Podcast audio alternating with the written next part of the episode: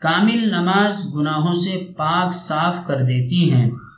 روی عن انس رضی اللہ تعالی عنہ قال قال رسول الله صلى الله عليه وسلم، من صلى الصلوات لوقتها واسبغ لها وضوءها واتم لها قيامها وخشوعها وخشوعها وركوعها وسجودها خرجت وهي بيضاء مسفرة تقول حفظك الله كما حفظتني ومن صلاها لغير وقتها ولم يسبغ لها وضوءها ولم يتم لها خشوعها ولا ركوعها ولا سجودها خرجت وهي سوداء مظلمة تقول ضيعك كما ضيعتني حتى إذا كانت حتى إذا كانت حيث شاء الله لفت كما يلف الثوب الخلق ثم ضرب بها وجهه رواه الطبراني في الأوسط كذا في الترغيب والدر المنثور وعزاه في المنتخب إلى البيهقي في الشعب وفيه أيضا برواية عبادة بمعناه وزاد في الأولى بعد قوله كما حفظتني ثم أصنع بها إلى السماء حتى ينتهي بها إلى الله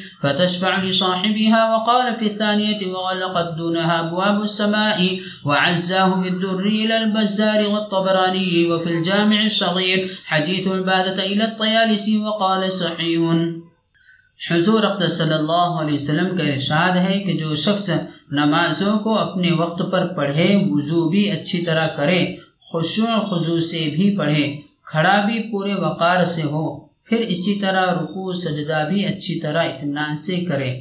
غرض، ہر چیز کو اچھی طرح ادا کرے تو وہ نماز نہایت روشن، چمکدار بن کر جاتی ہے۔ اور نمازی کو دعا دیتی ہے کہ اللہ تعالی شاہ تیری بھی ایسی حفاظت کرے، جیسی تو نے میری حفاظت کری۔ اور جو شخص نماز کو بری طرح پڑھے، وقت کو بھی ٹال دے، وضو بھی اچھی طرح نہ کرے، تو نمازی نماز بری صورت سے سیاہ رنگ میں بد دعا دیتی ہوئی جاتی ہے کہ اللہ تعالیٰ تجھے بھی ایسا ہی برباد کرے جیسا تو نے مجھے ضائع کیا۔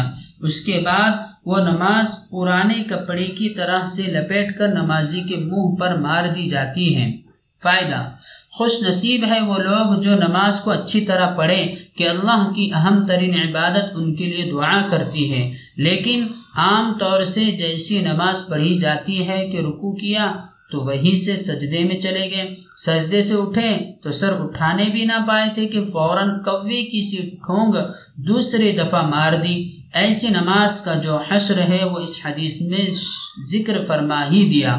اور پھر جب وہ بربادی کی بد دعا کرے تو اپنی بربادی کا گلا کیوں کیا جائے؟ یہی وجہ ہے کہ آج کل مسلمان گرتے جا رہے ہیں اور ہر طرف تباہی ہی تباہی کی صدائے گونج رہی ہیں۔ ایک دوسری حدیث میں بھی یہی مضمون وارد ہوا ہے۔ اس میں یہ بھی اضافہ ہے کہ جو نماز خشوع خضو سے پڑھی جاتی ہے، آسمان کے دروازے اس کے لیے کھول لیے جاتے ہیں۔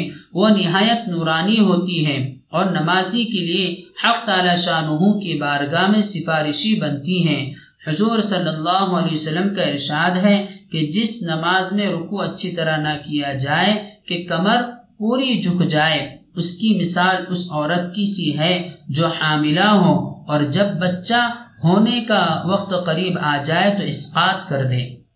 ایک حدیث میں ارشاد ہے کہ بہت سے روزے دار ایسے ہیں کہ جن کو روزے سے بجس بھوکا اور پیاسا رہنے کی کوئی حاصل نہیں، اور بہت سے شب بیدار ایسے ہیں جن کو جاگنے کے علاوہ کوئی چیز نہیں ملتی۔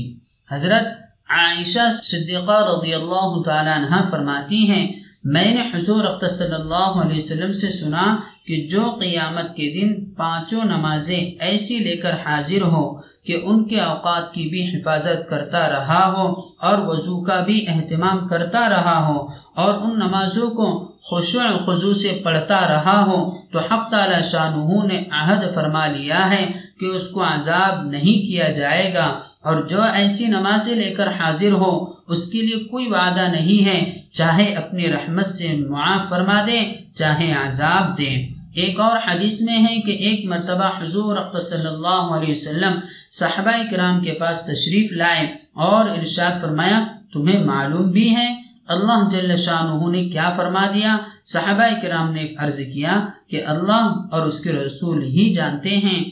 حضور صلی اللہ علیہ وسلم نے اہتمام کی وجہ سے تین مرتبہ یہی دریافت فرمایا اور صحابہ کرام یہی جواب دیتے رہے۔ اس کے بعد ارشاد ہوا کہ حق تعالی شان اپنی عزت اور بڑائی کی قسم کھا کر فرماتے ہیں کہ جو شخص ان نمازوں کو اوقات کی پابندی کے ساتھ پڑھتا رہے گا، میں اس کو جنت میں داخل کروں گا۔ اور جو پابندی نہ کرے گا، تو میرا دل چاہے گا، رحمت سے بخش دوں گا، ورنہ عذاب دوں گا۔